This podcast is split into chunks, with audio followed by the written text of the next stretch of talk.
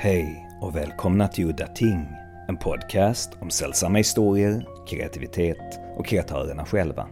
Mitt namn är Henrik Möller, musiken är skapad av Testbild och loggan till podden är gjord av Malmökonstnären Nalle Chinsky. För några år sedan så gjorde jag ett avsnitt om ett bokförlag. Och det var inte vilket bokförlag som helst, utan Weird Fiction-bolaget Hastur förlag och dess förste styrman Ola Svensson. Nu tycker jag det är dags igen och det här avsnittet ska handla om Sagawa Press i Düsseldorf och dess förste styrman Jonas Plöger. Eh, här räcker inte riktigt orden till så jag tycker att ni ska gå in på www.sagawapress.du, DU för Deutschland då, och kolla in. Coolare utgåvor får man leta efter. Handbundna böcker, böcker i boxar i trä, boxar som är gjorda som diorama. Exklusivt och svindyrt såklart, men en fröjd för ögat att titta på, så kolla gärna igenom hemsidan. Jonas har gett ut böcker av legender som L.A. Lewis, Mark Valentine, D.P. Watts, Reggie Oliver och nyligen så har han gjort ett konstsamarbete med punk och outsider art-legenden Nick Blinko. Allt detta och mer därtill ska vi tala om i dagens avsnitt. Så nu sätter vi igång. If we start from the beginning, how did your interest in books start and how did that lead into starting Zagava Press? You will regret uh, asking me that. I mean, I can tell you the long story and you probably have to edit that because that's too long. But for me, it makes sense to, to tell a long story about it. I had the privilege, I think it really is a privilege, um, that I grew up in a house with a lot of, with a lot of books and with people um, around me, and of course my parents uh, who uh, who loved reading and uh, collected books themselves. So when I um, was in like eleven or twelve, I discovered Thomas Mann. Uh, and started reading this kind of stuff. Uh, I, I, I, don't know. I think I read uh, the Buddenbrooks three or four times. Really crazy for a 12 year old. Um, so my parents saw, okay, this guy could become a book guy. Uh, so they opened an account at the local bookstore and I could buy all the books I wanted. Um, this is probably the best way to to uh, give your uh, children uh, pocket money. Um, and uh, I schlepped a lot of books home. so this where is where my own little collection started. It still was moderate in, in comparison to today. And um, then I, I um, after school, I, I, I started uh, um, studying at Cologne University. I studied uh, philosophy and art history. And uh, I, said at a certain point, I was fed up with the idea of, of learning in which kind of drawer I should put which art. So I thought, oh yes, Jonas, you are an artist. Uh, so what hybris? Oh, terrible. This is only this. That's something you do when you're 22, I guess. So I I um, stopped everything and moved to Amsterdam in in the this in, in, in, the wrong belief that I um, that the Academy in Amsterdam would accept me. They did not, which was very disappointing. But they, um, that was the best thing they could do.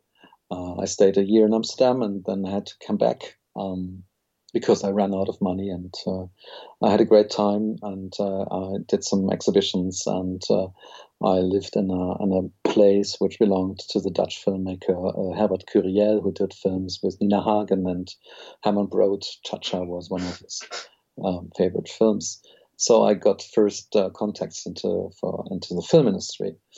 And when I came back to Düsseldorf, I had to start from the scratch anew. I was 23 or so, and uh, I was lucky because someone said, "Okay, they're looking, uh, they're offering uh, a trainee, uh, uh, um, a training program for camera people, and you did some camera work and you did photo exhibitions. Why don't you apply?"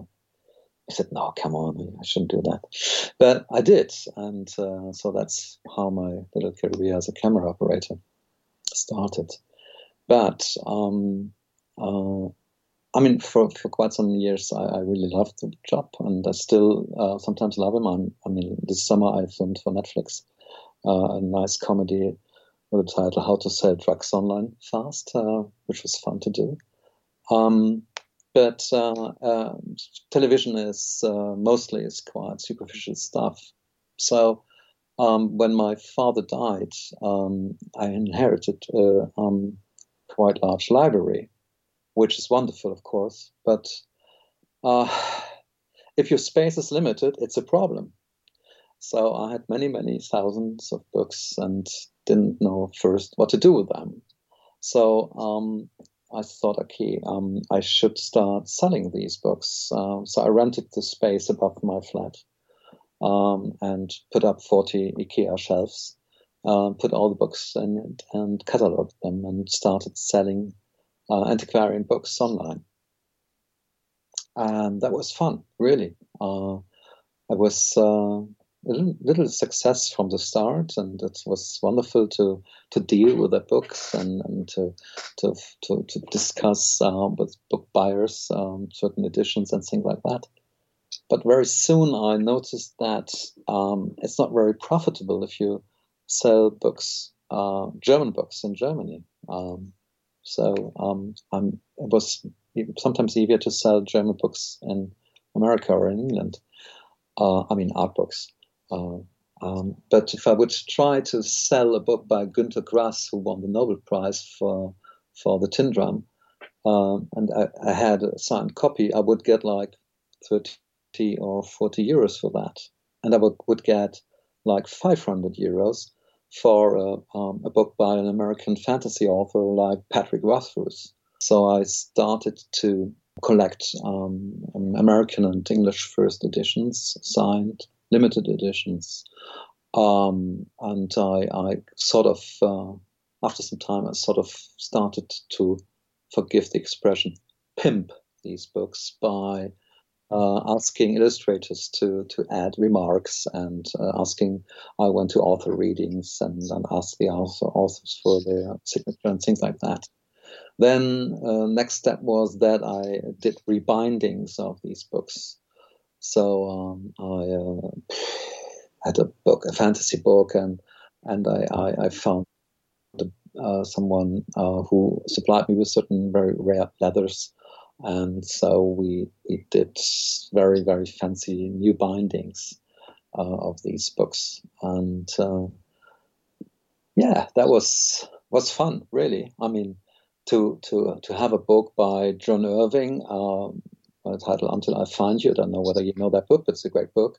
Uh, and uh, uh it's this book is about the tattoo, uh, um, yeah, tattooing and things like that. So I thought it would be nice to find a complete new binding for that book.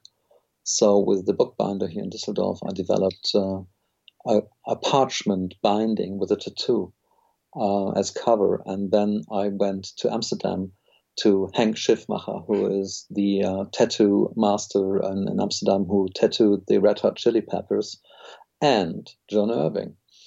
And he's even cited in that book, so it made sense to ask him to to to uh, make a drawing of a tattoo into the book.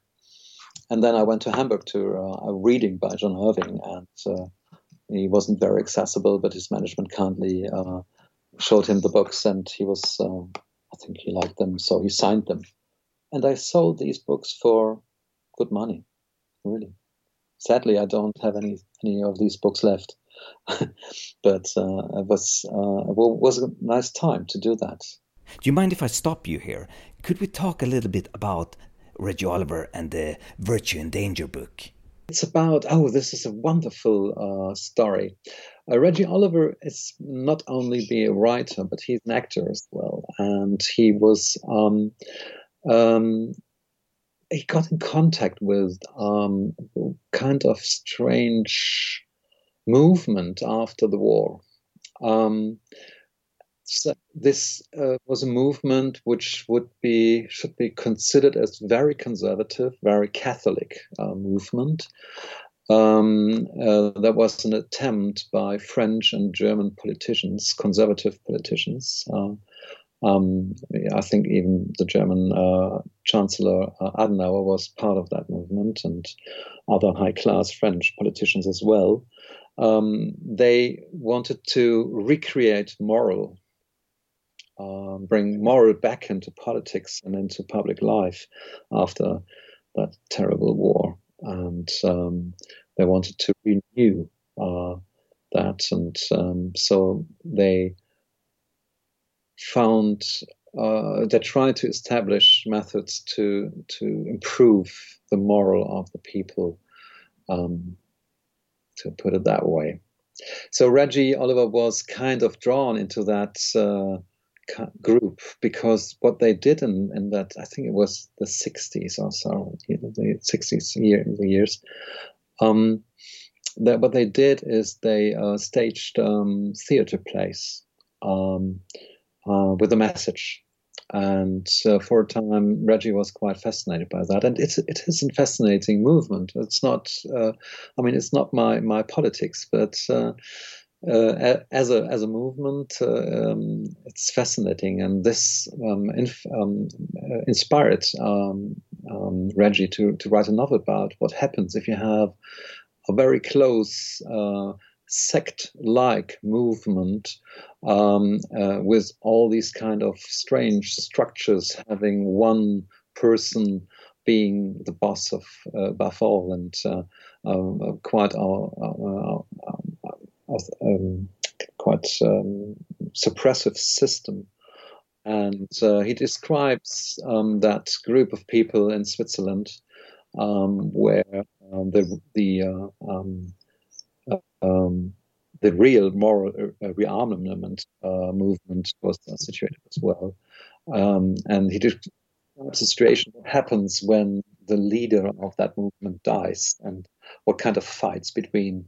You can take this as a blueprint on, on every kind of totalitarian or authoritative uh, uh, movements, um, be it religious movements or be it uh, political movements. He sort of uh, wrote about his experiences with that group and movement and uh, made a an excellent novel about it. Virtue in Danger by Reggie Oliver is the first Zagava book. It has uh, the first uh, parts of uh, Zagava DNA, DNA.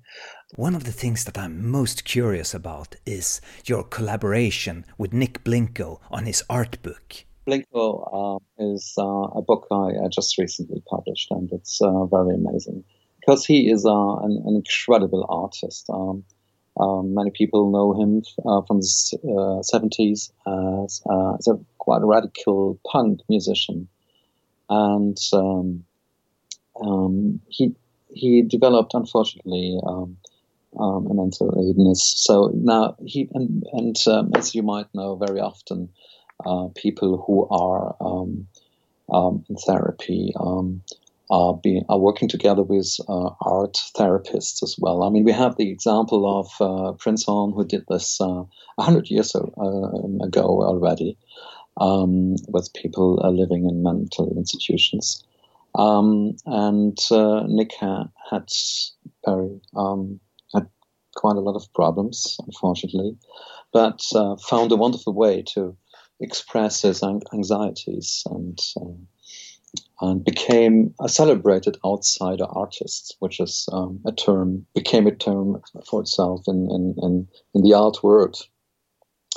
So um, um, the story of the book I, I, I did, just did with him together is that a friend of mine has always been a, a, a, real fan of his music, his writing. He writes as well, and, and his drawings, of course. And he said, "Oh, wouldn't it be wonderful? I mean, there's, there's nothing has been published for many, many years uh, by him.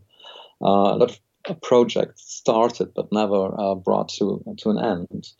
wouldn't it be wonderful if uh, uh, Zagava would do a Nick Blinko book with his drawings? He said, yes, yeah, that sounds, sounds very good. So uh, I approached uh, my friend David Tibet of Current 93 and Hypnopazūzu, and uh, because they're friends, and he's friend with the gallerist uh, Henry Boxer, who represents Nick Blinko in, in the UK.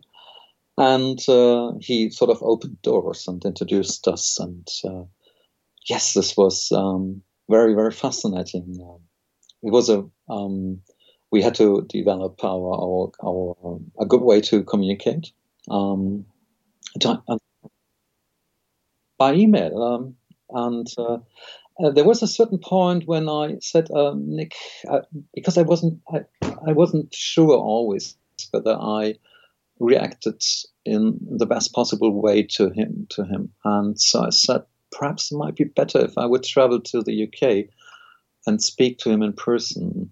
Um, I le- later learned that that wasn't a very good idea, so we decided not to do this and to use the distance. Uh, it was complicated to to to organize things like it's very trivial sometimes to to get a bunch of, of very expensive drawings from from a small uh, town in, in the UK to, to, to London to, to make uh, high definition scans, high resolution scans uh, by courier and then back. And uh, of course, all this had to be uh, done very carefully and uh, but everything went well, luckily.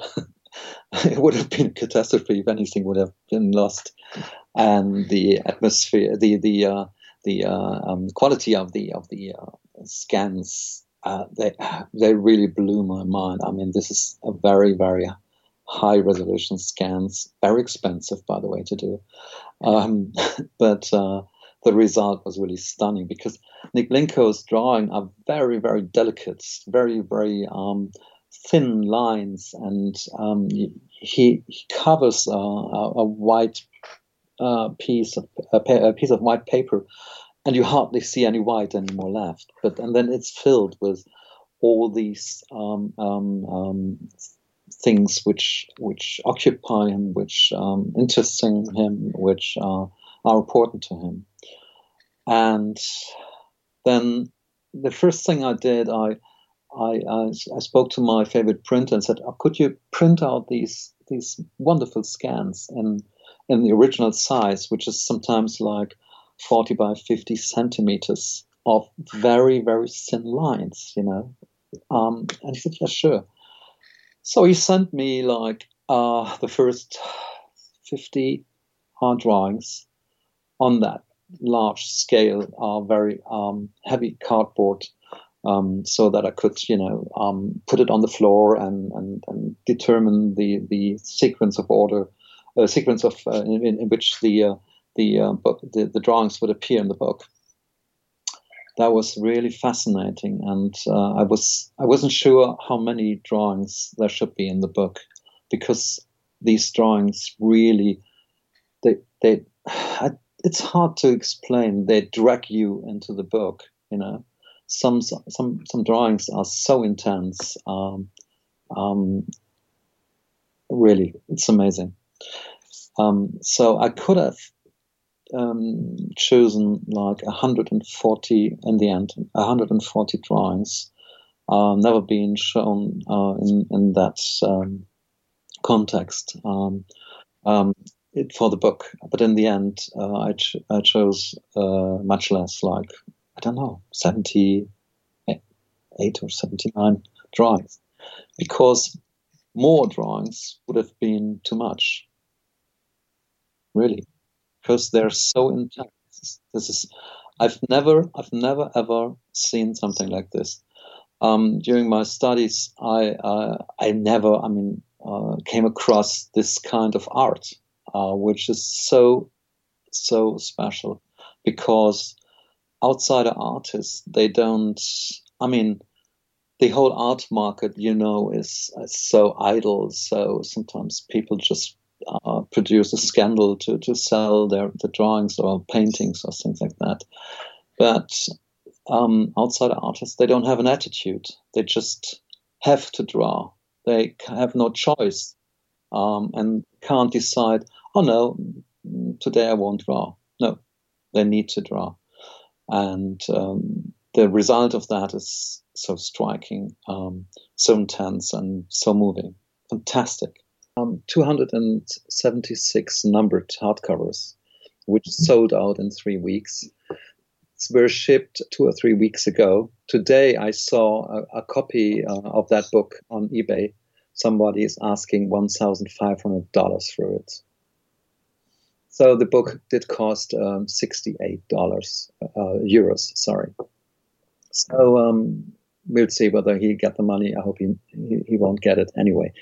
Then there's the artist edition where um, we're just we are working on that. Um, there's an essay in the Nick Blinko book by um, Dr. Colin Rhodes. Uh, he's an expert on outsider art, and uh, he had uh, some talks with. He, he knew uh, Nick before, so that would be this was the best uh, possible person to to write this uh, essay. Um, we um, when Nick and I discussed the book in the beginning, he said, "Oh, I actually I don't want a, any kind of introduction. I don't want a, any kind of interpretation of my work. I just would like to to to show these drawings." And I agreed with him because um, I myself sometimes have difficulties and, and interpretation uh, being given if you you're still in the progress of uh, of of understanding something which you just see. So um, uh, I sympathized with Nick's idea to have no text at all in that book, and um, then I spoke uh, um, some, several times with um, the um, gallerist of, uh, of Nick. And in the end, we agreed that it should it would be good to to put all, all these drawings into a context rather not being not not giving interpretations of what uh, people see. And we decided for that reason to have that Colin the Colin Rhodes essay not in the beginning of the book, but as a kind of prologue uh, at the end. Um, to uh, first give the um, the uh, people um, a chance to look at the drawings uh, unbiased and um, finding their own access to the book and later on getting some information to um, to understand the conditions under the how these drawings are being uh, made and how they developed and how Nick's life developed. Uh, one of the wonderful things in the collaboration with uh, Nick Blinko was that we exchanged books and commu- communicated that way too. So besides sending emails and trying to understand each other, um, I mean, me, the crazy German, uh, uh, with his funny, funny English, and, and then this English guy trying to explain what his drawings are. Um, it was easier to, to, to send us books, uh, um, and we we are both fan of um, of an artist. Um, um, some of your um, uh, listeners know, um, I might know, it's Edward Gorey. Well, Edward Gorey original drawings are very small. I've, I've been told about the same size they are in the original published books. So, uh, how big are Nick's drawings? Nick's drawings uh, are uh, partially quite large. I mean, some of them are like um, 45 centimeters high and 38 uh, wide. So um, this might not sound uh, large, but if you um, see how delicate all these very, very, very fine lines are, are then you understand um, how much um, work it is to, to, to, do, to do a drawing. Um, and um, I was very, very fortunate that uh, weeks ago, um, um, a man from FedEx called uh, at my door and said, uh, I have a parcel for you. And inside were four original drawings. I was, wow. I mean, you see a scan of a drawing, and even if it's a high resolution scan, this is this is already breathtaking. And it's it's so wonderful that the printer did such a good job that uh, a lot of that was transported into the book. But if you see an original drawing, it's it's even, I mean, really, it's really smashes you. It's, it's, it's in a way similar to when I was I, I was once in Boston to see uh, in the Athenaeum to see an exhibition of original uh, Gorey drawings, and um, as you know, they're very small. Uh, and you and and you stand in front of these um, postcard-sized drawings, and and you have the feelings, the feeling, although you've seen the drawing many, many times printed in many, many books, um, that you see the drawing for the first time because all these delicate uh, lines couldn't be transported into printing. Actually, the Japanese Gorey books, I can recommend these. The printing is very, very good and not comparable to English or um, any other um, print job on, on, on forest drawing. There you see these very, very delicate lines uh, quite perfectly. I think the listeners would want to know about The King in the Golden Mask. The King in the Golden Mask is a book which was um, published by uh, um, by Tartarus Press um, in 2012, um, and uh, uh, Ian White did a wonderful translation for that book, and I was always fascinated because Marcel Schwob um, had su- such an impact uh, in that time in, in, which he wrote, mostly wrote, to so many diverse people. I mean, he was friend with Aleister Crowley. He um, was friend with Oscar Wilde and, and, and, all kind of important persons in that time. And his his um, way to uh, his approach to to to um, something which in Germany we would call fantastic um, not fa- never to be mixed with fantasy, of course. It's really unique. Now, I think the the way Marcel Schwob uh, wrote is, is really uh, visionary, and um, of course, this uh, the, the, the story, um, uh, the King and the Golden Mask, is a metaphor for so many things. The the king is is only be seen uh, with that with that golden mask, and there's no way for him to see how he looks like without a golden mask. And um, this is, of course, a wonderful meta- met- metaphor for a lot of things. Um, but he's been persuaded to lift the mask, and um, uh, under all these um, luxurious uh, life as a king, the, all the, the the splendor, everything is beautiful and and the the mask is beautiful, but beneath the mask is um, a terribly um, um, injured face um, by lepra, what makes me think of this story by Borges called Hakim. It's about this lepra king traveling on the back of two blind men, and he's wearing a golden mask, and everybody is afraid of him, and he's supposedly godlike powers. But when they finally unmask him, they find his tarnished, weak body, and you know, they immediately kill him. The similarities are, are striking, yes. Yes. It's very, very similar. I've heard that you're currently working on a project with Charles Schneider, and Schneider, of course, is going to be a guest on this podcast very, very soon. He's sort of obsessed with playing cards. I mean, sets where, you know, like poker cards and things like that. And I wasn't aware that there's a complete scene of people who are really do nothing much more than, than, than, than taking existing sets of cards and alter them and adding drawings and, and making ridicule of the figures of Spade and, and all the symbols and, and, and the, uh, the uh, uh, think, things uh, which are normally on, on playing cards. So Zagava will issue next year. I, I wouldn't say I will I will do it this year. So we probably won't be able to, to, to finish it in 2020, but in 2021 uh, um, there will be a, a, set of playing cards, a very very special set uh, by Charles Schneider and I'm very much looking forward to that. Probably a lot of fun. You did a podcast episode with Charles doing an excellent reading of the Meerschaum Pipe, and now Charles has made a cover for that book in the form of a diorama. Could you talk about that? The Meerschaum Pipe, um, at least that's what how we would uh, pronounce it here over here. Um, yes, it's it's it's a first in a series of um, of dioramas. Um, I was um, um, brought to that idea um, through actually two exhibitions. One was uh, in the Palais de Tokyo in Paris about uh, on dioramas, where you had you know, a wide range of different dioramas from, I think, I mean, something from the uh, um, 19th century till uh, very recent works by uh, by Anselm Kiefer. Huge things. I mean, really very impressive. And the other exhibition was an exhibition I saw in New York, uh, 2012. It was by the uh, uh, Quay brothers. Um, and I don't know whether you're familiar with these two guys. They're twins, um, born in, in, the USA, but uh, mostly lived in, in Europe, uh, um, especially in Amsterdam.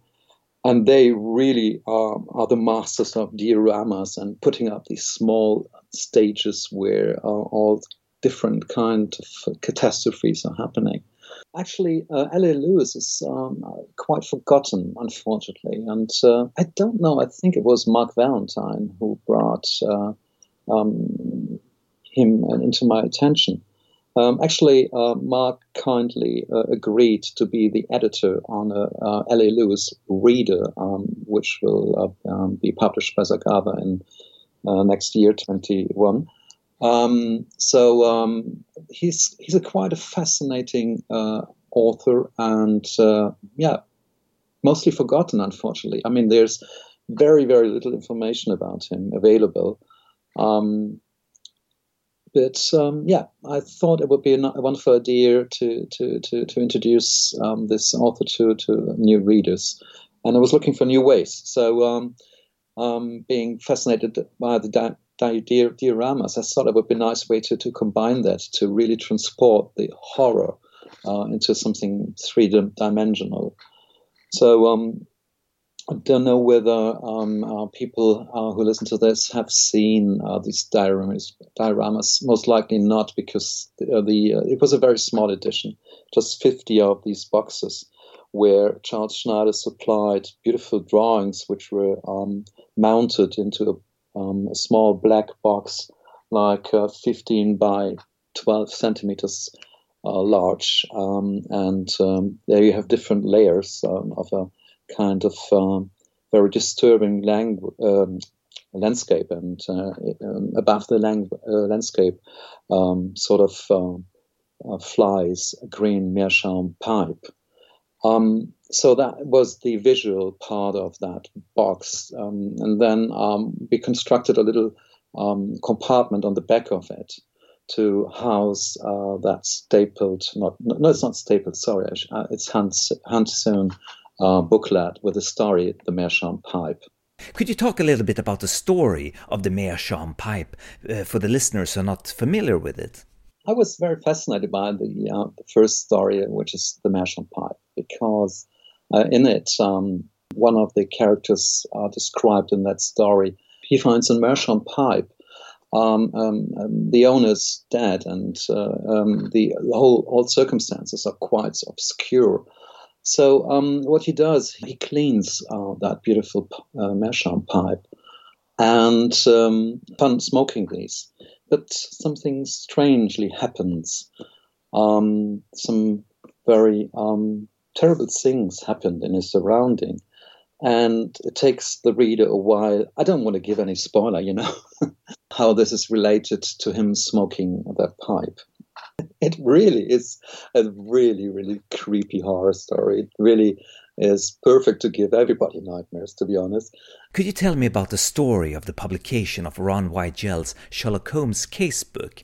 I know it has a very interesting story. The, the book in itself is a work of art. It's supposedly hand bound in a very particular material, and uh, the copies cost about $356 for a good reason. I, I was thinking about again. Uh, how to transport the in, inside from the to the outside in designing the book. Uh, and um, besides the numbered edition, which for which I could find Daniele Serra as illustrator, and he had a wonderful uh, um, painting uh, um, was showing Sherlock Holmes uh, holding a kind of lantern.